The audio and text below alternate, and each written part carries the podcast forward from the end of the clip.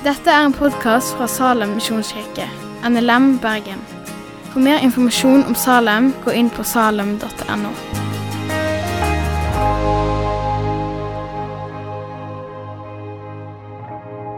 Jeg heter Kristian Lilleheim. Jeg jobber som pastor her. Jeg, jeg er teolog. Det vil si jeg har studert teologi i fem år og prøvd å lære meg eh, Bibelen på det språket som det er skrevet på. Elsker å nerde, elsker å lese Bibelen og grave og grave og grave. Eh, så jeg har en form for drømmejobb. Og så eh, er jeg gift. Har vært gift i syv år med Jeanette. Hun har kledd seg i svart når jeg skal snakke om dating. Så kan du tenke ok, eh, syv år har Kristian vært gift, og så skal han begynne å snakke om dating. Det vil si at Før jeg gifta meg, så var det ingenting som heter Tinder. Jeg har aldri eh, sveipa eh, hva, hva var i sveipen? Noen som vet? Opp? Hvis du liker noen, hva vei er det du liksom sveiper? da? Seriøst, det er liksom 2019. Hva vei sveiper du? Høy...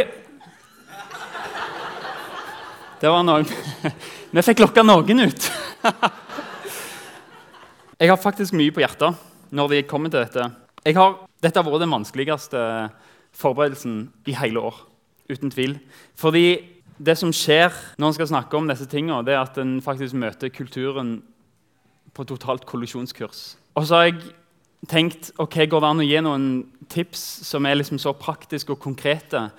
Men så har jeg landa på Når jeg slutter i Salem, og dere kanskje har flytta vekk fra Bergen, eller hvor, hvor dere enn er, så vil jeg at folk skal tenke Christian, han ga meg veldig gode datingtips. Nei, det er ikke det jeg vil dere skal tenke. Jeg vil dere skal tenke Kristian, han lærte meg Bibelen. Han lærte meg evangeliet. Jeg har overhodet ingenting annet å gi dere enn det. Og jeg er helt overbevist om at den ene tingen som kan få oss til å bære frukt, som er faktisk til ære for Gud i våre liv, det være seg dating, jobb, barn, oppdragelse, i, ekteskap Hva som helst. Det eneste som kan få oss til å bære frukt, som faktisk ærer Gud, det er evangeliet. Ingen Ingen påtvungne tips eller, eller, menneskelig visdom, men evangeliet er det eneste som bærer frukt. I den anledning så, så har jeg eh, noen bøker som jeg har lyst å av hele mitt hjerte anbefale. Eh, får de opp på skjermen her. Den ene heter 'Loveology'. Eh, og jeg skal bare starte med for, fordi Det å lese jeg anbefaler det. Og nå er jeg snart ferdig med eksamen, da kan dere lese, og de kommer i posten til, til sommeren. Den her fins på lydbok, og det gjør for så vidt eh, noen andre òg. Men eh, denne her er bare dønn ærlig. Undertittelen er 'God, Love, Marriage, Sex and the Never-Ending Story of Male and Female'. Han skriver evangeliet på en måte som du tror at han er 23 år og hiphopartist. Og han gjør det på et språk som er veldig enkelt å forstå. Så er det en som heter Olof Edsinger, som iallfall ikke er hiphopartist. Eh, men han skriver veldig, veldig, veldig, veldig smart. Ekteskapen, lyst, begjær, seksualitet i Bibelens lys. Den siste er gitt ut på så mange forskjellige versjoner, i så mange språk, og fortjener å bli lest over hele verden. Dette her er hands up den beste boka jeg har lest i år.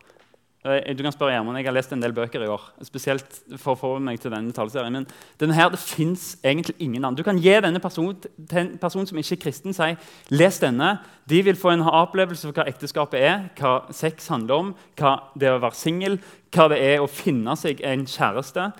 Og samtidig så kan de få se wow, Gud er stor, Jesus er god, han elsker meg. Dette evangeliet innpakka i ekteskapsspråk anbefales på det aller aller, aller varmeste. Jeg og Jeanette vi har hver fredag vil si nå i noen uker, hørt et kapittel på lydbok og snakket om det etterpå. Fordi tror, vi tror at det vil tjene vårt ekteskap og på den måten tjene Salem. Ja, vi kan også nevne at uh, Til den taleserien så skal vi neste lørdag ha noen opp her og svare på noen spørsmål som dere har stilt. Hvis dere har spørsmål, så går det an å fylle ut der nede på et ark med hjertelogoen på, eller på salom.no skrive helt anonyme spørsmål. Så da svarer vi ikke bare på ting vi tror dere lurer på, men da svarer vi på ting dere faktisk lurer på. Eh, vi skal starte med å be. Og jeg har lyst at i dag så bare er, er det stille. Så ber jeg om at du kan be Gud først om å gi meg visdom til å si disse tingene på en riktig og klok måte som ikke tråkker på noen. Eh, og for det andre at eh, du ber Gud om å forberede ditt hjerte. For at det vi hører i dag, det kan være at du blir truffet av Gud. Det kan være at han må bruke rambukk inn i hjertet ditt. Men det kan òg være at han etter det vil komme med fred. Så be om at Gud kan treffe deg, og så lar vi det være stille litt. Hellige vi trenger at du er her nå, sånn at vi kan forstå evangeliet på en rett måte. At vår første reaksjon når vi reagerer på noe, kan være å tenke OK, gi det en sjanse, Jesus. Helligånd, bare smelt vekk våre motstandsforsvar, hva som helst mot ditt ord. La oss få høre hva du har å si inn i vårt liv, Jesus. Amen. Bibelen sier veldig lite om det å være kjærester eller det å date. Den sier ikke noe direkte, men som kristne så tror vi at Bibelen er en rettesnor for vårt liv. At den har noe å si. Og Derfor når vi skal snakke om et tema som dette, så er det viktig å finne noen prinsipper fra Bibelen som vi kan ta ut og bruke i våre liv. Um, og Når jeg har sett på hva Bibelen sier om dette, så, så handler det egentlig mye om Bibelens positive syn på sex. At uh, sex er en god ting, uh, men at det er gitt oss i ekteskapets rammer. Og Eivind snakket om det for to uker siden. Den fins på podkasten. hvis du ikke har hørt den. Men når vi skal snakke om dating, så er kanskje den mest naturlige teksten å lese fra 1. Tessaloniker 4, 1-9. Dere har kanskje hørt den lest før, eller lest den i bibelgruppa, eller lest den og flirt litt, eller hva som helst. Men vi leser den teksten. For øvrig, søsken, ber og oppfordrer vi dere i Herren Jesus. Dere har mottatt og lært av oss hvordan dere bør leve og være til glede for Gud. Og slik lever dere allerede, men dere må gjøre enda større fremskritt i dette. Dere vet jo hvilke påbud vi ga dere fra Herren Jesus. For dette er Guds vilje, at dere skal være hellige, så dere holder dere borte fra hor. Hver av dere skal vite og vinne sin egen kone i hellighet og ære. Ikke i sanselig begjær som hedningene. De kjenner jo ikke Gud. Ingen må krenke eller utnytte sin bror på noen måte. Herren straffer alt slik. Og det har vi tidligere sagt dere klart og tydelig. For Gud kalte oss ikke til urenhet, men til et hellig liv. Den som avviser dette, avviser derfor ikke et menneske, han avviser Gud, som gir dere sin hellige ånd. Om søskenkjærligheten trenger vi ikke skrive til dere, for dere har selv lært av Gud å elske hverandre. Det er tre ting jeg har lyst til å snakke om ut fra den teksten. Det første er Gud har en vilje for ditt liv. Det andre er at den sier noe om at vi skal vinne ektemak i hellighet og ære. Hva betyr det? Det tredje handler om søskenkjærlighet. Vi begynner med det første. Gud har en vilje for ditt liv. Det er veldig fort gjort å tenke at ah, Gud har en plan for ditt liv. Jeg er ikke så fan av den setningen. At Gud har en plan for ditt liv. Fordi Spesielt kanskje når vi snakker om dette, så tenker vi ok, det må finnes ei som er riktig for meg. Det fins én rett. Det tror jeg ikke noe på. Men jeg tror Gud har en vilje for ditt liv som du kan leve i uavhengig av om du gifter deg med den eller den.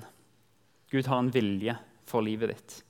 Og Det gjør at vi faktisk Om jeg skulle velge feil Hvis, jeg, hvis det hadde vært én rett for meg, og jeg hadde valgt feil, så hadde jo det betydd noe at nestemann måtte velge feil. Og så hadde det gående at én som gifta seg feil, så har hele universet bare Så vi kan takke for at vi lever i Guds vilje. Eh, og så skal vi få slippe å tenke at vi lever i en bestemt plan. Men Paulus skriver for dette er dere Guds vilje, at dere skal være hellige, så dere holder dere borte fra hor. Begrepet hor, det, det, det ordet som, som, egentlig står her, det kjenner vi igjen fra et norsk ord. Det ordet som brukes i, i grunnteksten i grek, det er porneia. Altså, vi har det i ordet pornografi. Eh, men hvis du da noen teologer, eller Veldig mange teologer har bladd gjennom det ordet. Det har blitt brukt i jødedommen, i, i Gamle testamentet. Det blir brukt i kristentida. Når de skrev Nytestamentet, det ble brukt av apostoliske fedre. Altså Rett etter kristendommen, eller Bibelen var ferdig, så var det noen kristne teologer allerede i år 60 som begynte å skrive noen ting som de brukte ordet. Også noen teologer som har gått gjennom hver eneste bruk av dette ordet. Ikke bare i jødedommen og kristendommen, men også i helenismen, altså de greske litteraturene. Så ser vi dette ordet her i denne konteksten, i Bibelens kontekst, så betyr dette ordet all form for sex utenfor ekteskapet mellom en mann og en kvinne.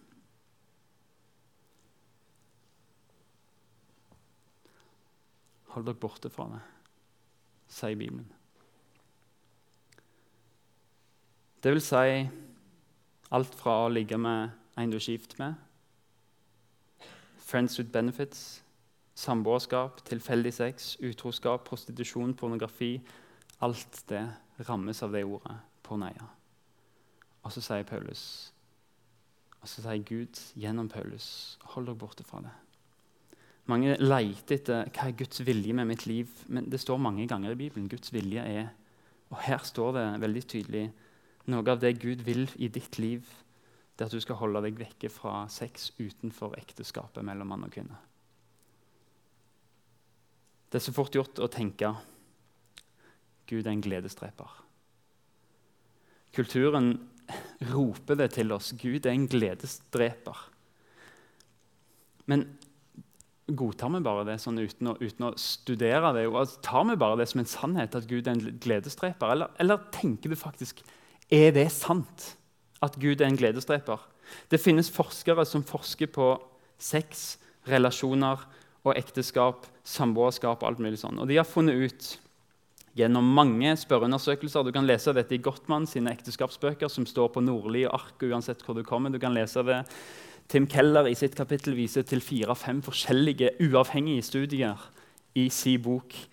Og forskning på dette området finner ut den beste sexen Mennesker som har den beste sexen, er de som er i et heterofilt, monogamt ekteskap.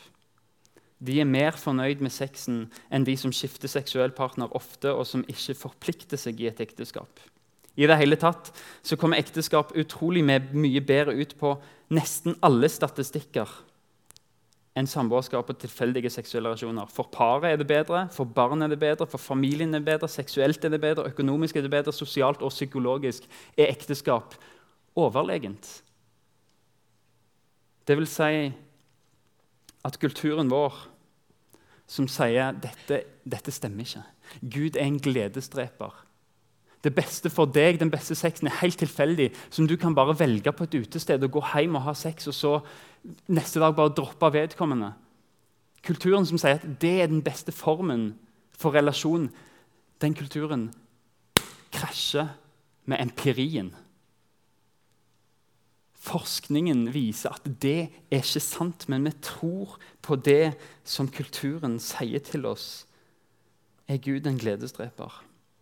Eller er han, som empirien faktisk viser, at han er en Gud som har faktisk peiling på hva er det som er godt for mennesker?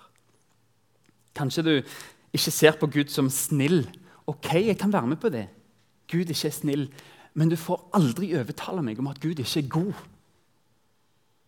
Fordi jeg ser det i hans bud. Og når empirien og forskningen viser det, så ser jeg ja, men vi har en god Gud. Ok, Kanskje er han ikke snill, men han er god. Jeg lar ikke min niese få spise stein og sier nei, Julie, du får ikke lov til det. Hun syns ikke jeg er særlig snill, men jeg vet at det er godt for henne. Gud vil det godt. Og så sier han, 'Jeg vil' at du skal holde deg borte fra henne. Men Gud er òg hellig. Det er ikke bare det at det er godt for oss, men, men Gud er òg hellig. Det er òg et, et, et, av de større insentivene for at vi skal leve med å tenke at sex hører til ekteskapet, fordi Gud er hellig.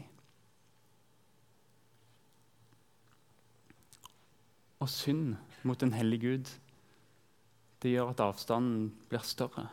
Det leder deg vekk fra Gud. Vi skal komme litt tilbake til det mot slutten. Punkt to var at vi skulle vinne en ektemake i hellighet og ære, og ikke sanselig begjær. Hva vil det si? Å vinne sin ektemake i hellighet og ære, og ikke i sanselig begjær. Et lignende spørsmål kommer alltid opp når jeg snakker, Hvis jeg har vært på Grilling kristen, eksempel, eller snakka med folk om dette med kjærester, dating og kristen, så kommer det samme spørsmål. Helt unikt. Alltid kommer det opp. Hvor langt kan vi gå før vi gifter oss? La meg få oversette det til, til det egentlige spørsmålet. Hvor nært kan vi komme synden uten at det er synd? Hvor nært kan jeg komme flammen uten å brenne meg? Hvis du vil vinne en ektemake i hellighet og ære, sånn som Bibelen oppfordrer til, så, så lærer du deg å stille et annet spørsmål. Fordi du kjenner en Gud som ikke kom til jord for å ta det han ville, men for å gi oss det han hadde. Og for å gi oss kjærlighet, så lærer han deg å stille et annet spørsmål. Der du spør hvordan kan jeg hjelpe kjæresten min? Eller han eller hun jeg er interessert i. Hvordan kan jeg hjelpe den til å vokse i troen? Hva kan jeg gjøre som får den personen til å vokse? Hva ser jeg i den personen som ligner på Jesus, og hvordan kan jeg elske det fram? Hvordan kan jeg få min relasjon til å bli mer hellig? Til å ære Gud? Men la oss ta en kikk på det begrepet hellighet. For det er mye å si hvordan vi nærmer oss temaet sex og grenser. På de bibelske språkene betyr hellighet å være dedikert til noe. Å være utskilt for noen eller for noe. En som vil leve hellig, han tar sitt liv og skiller det ut til Gud og sier mitt liv, Gud, det er til deg, det er for deg. Det er faktisk av deg òg. Du har skapt meg. Jeg vil leve for deg. Det er et hellig liv. Jeg vil leve til Guds ære. Jeg vil være tro mot deg, Gud. Det er nesten som et ekteskap. Og faktisk så er Ekteskapet bildet som brukes gjennom hele Bibelen for hvordan vi forholder oss til Gud. Den troende er Guds brud. Bibelen starter med et ekteskap i Edens hage. de første kapitlene. Og helt på slutten av Bibelen så leser vi at Jesus kommer som en brudgom for å hente sin brud, kirka, hjem og for å ha en evig bryllupsfest. Sånn, evige, sånn beskrives det evige livet i Johannes' åpenbaring. Og til og med de ti bud er formulert som en ekteskapspakt. Når, når, Gud gir ti bud til Israel og gir loven til Israel, så bruker han ekteskapsord, sånne som ble brukt i en ekteskapspaktsinngåelse, altså i et bryllup. Og det som skjer er at Gud gir dem de ti bud. Så sier han, 'Jeg gifter meg med dere'. Så Det første budet høres derfor der Gud sier dere skal ikke ha andre guder enn meg. I en ekteskapskontekst så kan vi oversette du skal ikke ha andre elskere enn meg. Jeg er din ektemann, du er min, jeg er din. Vi hører sammen for evig tid. Det skjedde når Gud ga israelsfolket loven. Han gifta seg med dem. Og Vi kan forstå hellighet som å komme inn i et ekteskap med Gud. Det har noen implikasjoner for livet vårt. Når jeg sa ja til Jeanette i Fjell kirke 11.2.2012 så var det ingen som bua på meg. Som sa 'Christian, din idiot'. Fordi nå sa du ja til ei jente resten av ditt liv. Du vet ikke hva som kommer videre. Du vet ikke hva muligheter du får videre. Du sa ja til ei jente. Det var ikke én sjel som bua på meg. Jeg sa ja til Jeanette, men det betydde nei til absolutt alle andre. Alle andre fristelser, alle andre friheter. Og det samme gjelder i hellighet. Det handler om å si nei til andre ting enn Gud. Vi sier ja til Gud, ja til livet sammen med Gud. Og vi har tillit til at Han har det beste for oss. Dere skal være hellige for jeg er hellig, sier Gud. Når vi velger å leve hellig, så skiller vi oss ut. Og så hører vi til Gud. Det som skjer da, sier Gud, er at dere ligner på meg fordi jeg er hellig. Jeg skiller meg ut til dere. Jeg er din, og du er min. Jeg Vær hellig fordi jeg er hellig. Og Da blir vi lik Gud, og det er det vi er skapt til. Skapt til Guds bilde. Når du er hellig, så er det faktisk det du er skapt til. Til å være sammen med Gud. Å vinne sin ektemake i hellighet og ære det handler om å la Guds ord få være rett i ditt liv. Du sier 'Ja, Gud, jeg stoler på deg, at det du sier, er sant'. Og ikke bare gå etter det sanselige begjæret. Det er ganske lett å forstå hva sanselige begjær er. Jeg vil ha den personen, jeg tar den personen. Fordi jeg får noe ut av det. Men å vinne hektmak i hellighet og ære, det sier Gud. Jeg stoler på at ditt ord er sant. Jeg stoler på at ditt ord er godt. Jeg vil følge ditt ord i denne relasjonen. Disse tingene handler om tillit. Synd i seg sjøl handler om å ikke stole på Gud. Se for deg Eva i Edens hage. Eden var full av liv, full av trær, full av i det hele tatt planter og dyr og skjønnhet. Og Midt i hagen så sto det to trær. Livet til kunnskap om godt og vondt. Nei, tre. treet til kunnskap om godt og vondt, og livet, livets tre. Og så sier Gud du kan spise av absolutt alle trær i hele hagen, bortsett fra treet om kunnskap til godt og vondt. For da skal du visselig dø. Men så blir Eva frista av slangen. Har Gud virkelig sagt? Har Gud virkelig sagt det? Det slangen egentlig sier, det er Eva Gud er ikke god. Han bryr seg ikke om at du skal være lykkelig og glad. Gud er ond og svikefull. Han er bare en gledesdreper. Du vet bedre enn Gud, Eva. Kom an. Ta følg begjæret ditt. Og så så Eva at det var en fryd for øynene. Det treet. Det var en fryd for øynene, sa hun. Eva stoler på slangen. Hun trodde at mitt begjær det jeg ser, det jeg liker, det er veien til lykke. Så sier hun jeg tror jeg kan veien til lykke mye bedre enn Gud. Han som har skapt livet, ja, ok, greit. Han har skapt mennesker, ok, som vet litt om bruksanvisningen. ok, Men jeg vet hvor jeg finner lykken. Det jeg ser, det jeg liker. Jeg følger det. Og så ser vi og leser videre at hun tok grundig feil. Og ikke bare det, men Hun mista det gode livet. Det var to trær. Det ene var livets tre. Gud sa, 'Vær så god, dette er livet. Spis det.' Og det var treet til kunnskap om godt og vondt. Og Gud sa, 'Stopp, det er ikke bra for deg. Det vil gi deg død.' Og så valgte hun feil fordi hun stolte på feil kilde. Hun stolte på slangen og på begjæret sitt. Å leve hellig det handler om tillit mer enn noe annet. Det handler om å gi kontrollen over til Gud, stole på Gud og si jeg tror deg, Gud. Hvis du sier at dette er bra for meg, så tror jeg deg. Jeg vet ikke hvem du tror på.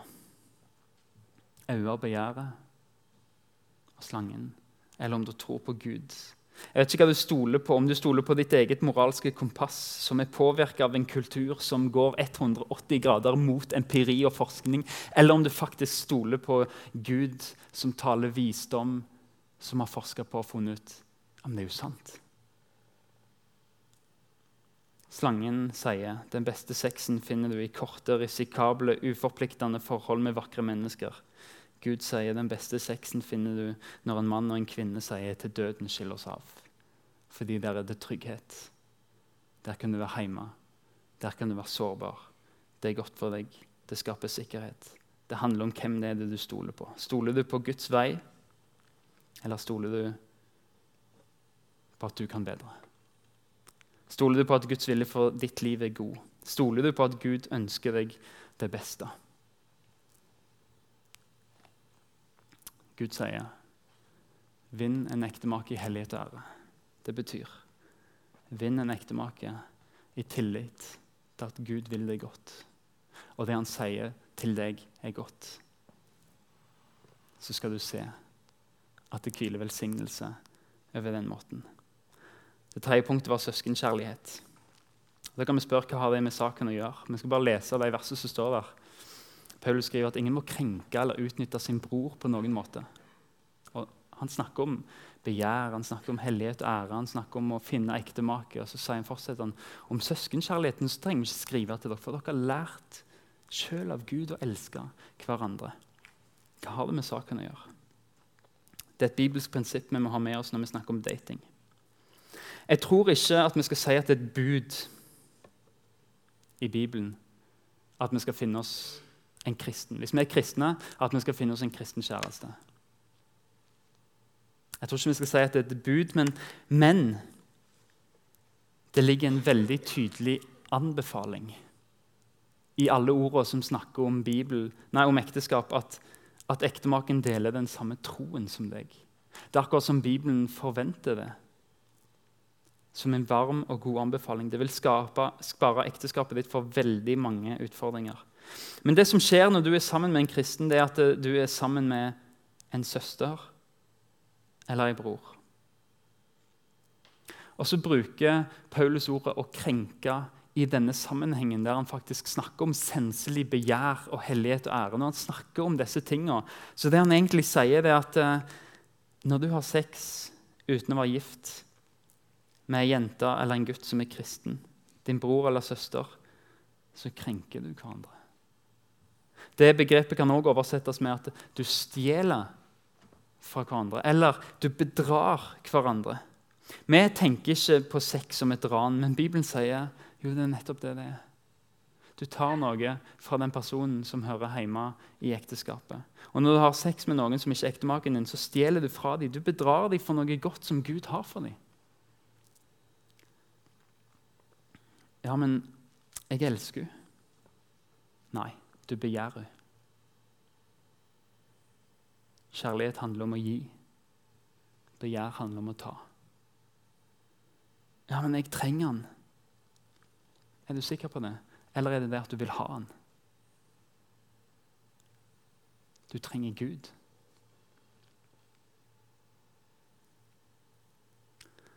Kjærligheten er tålmodig. Kjærligheten er velvillig. Den misunner ikke, skryter ikke, er ikke hovmodig. Kjærligheten er tålmodig. Den har ikke hastverk om å komme under dyna, for det er det begjæret som har. Kjærligheten krenker ikke. Den stjeler ikke for andre.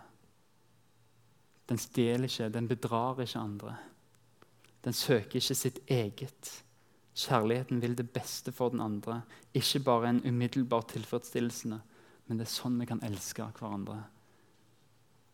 Å gi og gi og gi og ikke ta. Til Timoteus sier Paulus at han skal behandle jenter i menigheten som søstre i all renhet. Og Her har du en god tommelfingerregel for hvordan du skal behandle din date.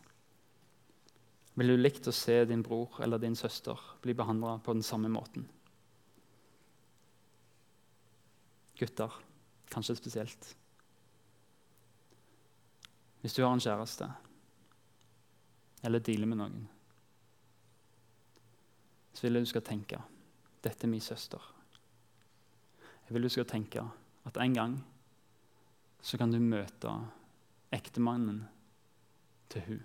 Hvis det ikke blir noe mellom dere. Møte ektemannen.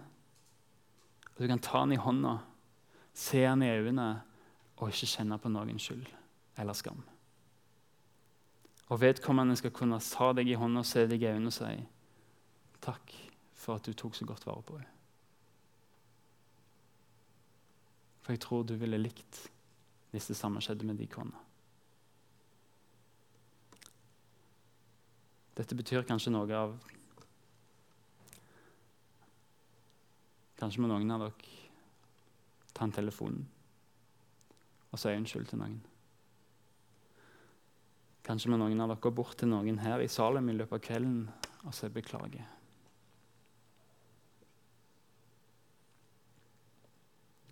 Om søskenkjærligheten så trenger vi ikke skrive til dere, for dere har sjøl lært av Gud å elske hverandre. Paulus trenger ikke si så mye mer om hvordan vi skal elske hverandre. Fordi Han viser heller et eksempel som alltid er pedagogisk mye bedre. Og Paulus sier, 'Se Gud'. En Gud som la ned sitt liv for deg. Som ikke kom for å ta noen ting fra deg, annet enn synd og skyld. En Gud som går gjennom død for deg. En Gud som elsker lenge før du elsker Han. En Gud som elsker deg selv om han ikke får noen ting tilbake. En Gud som velger deg hver dag selv om du er lunken. En Gud som ga bort alt han hadde av herlighet og ære i himmelen, og som ble menneske, slo opp et telt nede i gjørma di fordi han elsker deg. Du betydde mer for han enn makt og ære. Det siste viste han med å gå på korset for deg. Den straffen du skulle hatt, den tok han på seg. Han som var Guds sønn, valgte å bli forbanna og bli hengt på et tre, sånn at du kunne ta hans plass og bli Guds barn. For at du skulle være Guds utvalgte, hellig og rein. Derfor døde han for deg. Sånn skal vi elske, sier Paulus. Målet er å speile Jesus òg i våre relasjoner. Elske ved å legge ned våre liv. Hvorfor? Fordi vi har et eksempel som elsker oss. Og så er målet er faktisk, sier Paulus i Efeserbrevet 5, er å stille din ektemake eller din kjæreste fram foran Gud enda mer hellig. Det vil si at om du ser noe i din kjæreste som er rent og hellig, så er din oppgave å dyrke det fram og på den måten vise at jeg elsker deg. Jeg vil at du skal bli mer lik Jesus. Sånn tjener du en kristen kjæreste eller ektefelle. Om det koster deg noe, så betal den prisen sånn som Jesus gjorde. Om det betyr at du må forsake noen av dine forventninger, håp og begjær, så gjør det. Fordi Jesus gjorde det for deg. La den andre vokse. Legg ned livet ditt for den andre, sånn Jesus gjorde for deg. Siden Jesus elsker oss med sånn kjærlighet, så skylder vi òg å elske hverandre.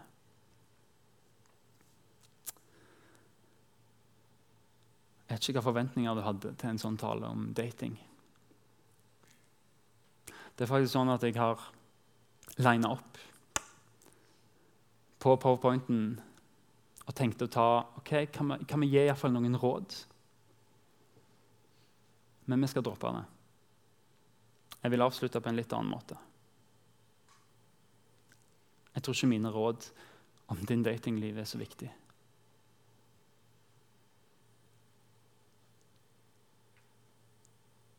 Men det som er viktig, det er at Gud er hellig. Vi leser videre fra Efeserbrevet Nei, fra Hvor er det med hen? Tessalonikerbrevet. Herren altså Han snakker om begjær, om hor, om å krenke andre kristne. Og så skriver Paulus 'Herren straffer alt slikt'. Det har vi tidligere sagt her klart og tydelig. For Gud kalte oss ikke til urenhet, men til et hellig liv. Og så kommer jeg, akkurat som jeg tror Paulus skriver selv sannheten, selv om hånda hans skjelver, skal jeg skrive dette til dem. Og sånn står, føles det å stå foran dere nå. Skal jeg snakke det jeg tror er sannheten, selv om leppene skjelver. Men Paulus fortsetter. Den som avviser dette, avviser ikke derfor et menneske. Han avviser Gud, som gir dere sin hellige ånd. Jesus møtte mennesker. I 1. Johannes så står det Jesus møtte mennesker full av nåde og sannhet.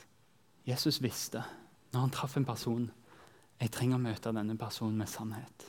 Det vil si at Han øste ut av sannheten og sa du har fem menn i ditt liv, og ikke en av de er din, sa han til kvinnen ved brønnen. Det var sannhet. Jesus var krass.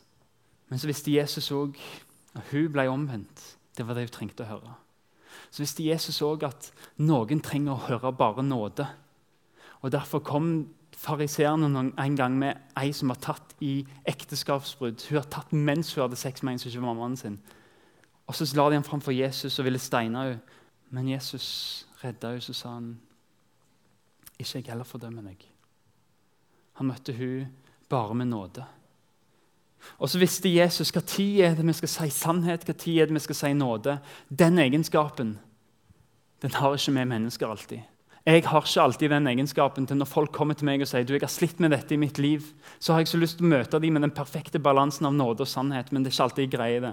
Noen jeg for snill med, som gjør at de ikke endrer livet sitt. Noen jeg for stygg med, som gjør at de faktisk trekker seg litt tilbake fra det kristne. Men Jesus vil møte dem med perfekt balanse. Og Jesus er her nå i sin hellige ånd. Det vil si at hvis du kjenner at han møter deg nå, så møter han deg med akkurat det du trenger å bli møtt med her og nå.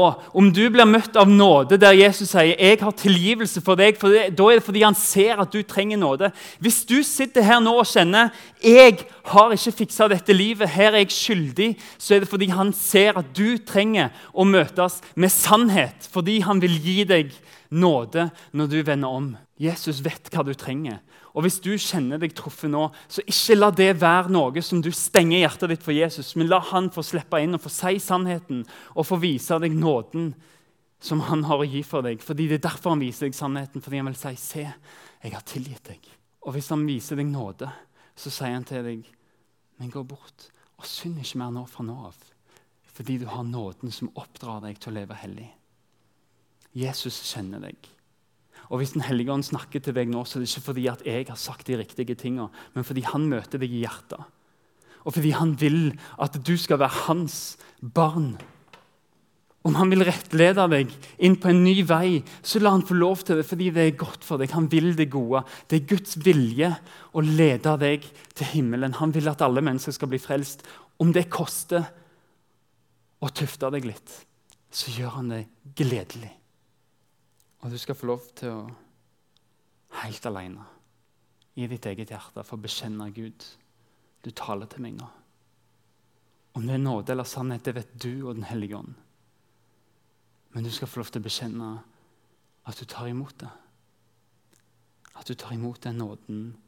Om den ser ut som tukt nå, eller om den ser ut som nåde, det vet jeg ikke. Men Jesus tok til den han har kjær. Hvis du kjenner deg dømt nå, så er det fordi Jesus elsker deg og vil deg bare vel lede deg inn i det gode. Vi får Salme 51 opp her. Bruk det som en bønn. Jeg skal be han, og ta han gjerne med i ditt hjerte hvis du kjenner at dette trenger jeg. Så la dette være en bønn fra David idet han ble tatt med å ha sex med en kvinne som ikke var hans, og sendte vekk mannen i den sikre død. Så kom en profet og pekte på synden hans så ba David denne bønnen. Og Hvis du trenger å be en bekjennelsesbønn, så la dette være. Du trenger ikke rekke opp noen hånd. Du trenger ikke gå til forbønn.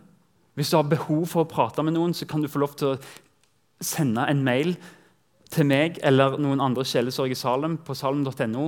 Du trenger ikke komme fram etterpå og vise at dette er noe som du har tenkt på. Du kan få gjøre det helt privat når du kommer hjem. Ingen trenger å vite noen ting. Men dette er mellom deg og Gud.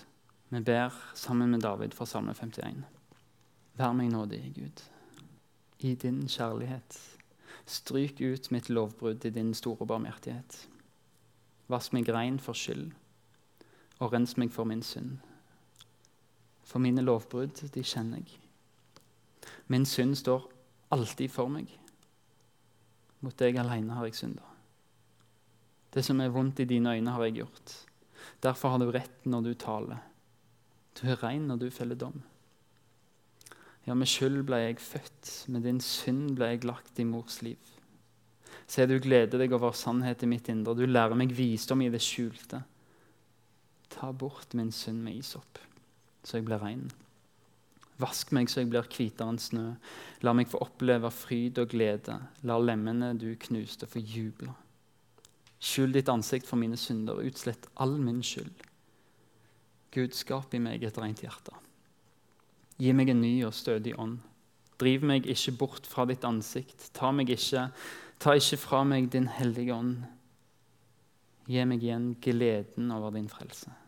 Hold meg oppe med en villig ånd. Jeg vil lære lovbrytere dine veier. Syndere skal vende om til deg. Fri meg, Gud, fra blodskyld.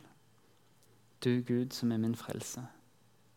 Så skal min tunge juble over din rettferd, Herre. Lukk opp mine lepper, så min munn kan lovprise deg. For du har ikke glede i slakteoffer. Mitt brennoffer bryr du deg ikke om. Offer for Gud er en sønderbrutt ånd. Gud, du forakter ikke knust og nedbrutt hjerte. Og så har jeg lyst til å lese til dere Jesaja 1,18. Når vi bekjenner, så er Jesus trofast. Han tar imot oss og renser oss for all skyld. Og så sier han til deg, som han kanskje har truffet i dag Kom, la oss gjøre opp vår sak, sier Herren. Om syndene dine som purpur, så skal de bli hvite som snø. Om de er røde som skarlagen, skal de bli hvite som ull. Kom. Om du kjenner at Gud I alt dette så har jeg gått vekk, gått og gått og gått. Så sier Jesus, men kom. En annen plass sier han jeg har satt foran deg ei åpna dør. Og så kjenner du ja, men jeg er så langt vekke. Så sier han det samme, men jeg har satt foran deg ei åpna dør. Så sier jeg ja, men jeg har gjort så mye feil. Ja, men jeg har satt foran deg den åpne døra. Ja men, ja, men jeg har satt foran deg. Uansett hvor langt vekke du kjenner deg fra Gud, så sier han rett foran deg. Kom. Kom. La oss gjøre opp vår sak. Takk for at du har hørt på podkasten fra Salem, Bergen. I Salem vil vi vinne, bevare, utruste og sende. Til Guds ære. Vi ønsker å se mennesker finne fellesskap, møte Jesus og bli disippelgjort her i Bergen og i resten av verden. Vil du vite mer om oss, gå inn på salem.no.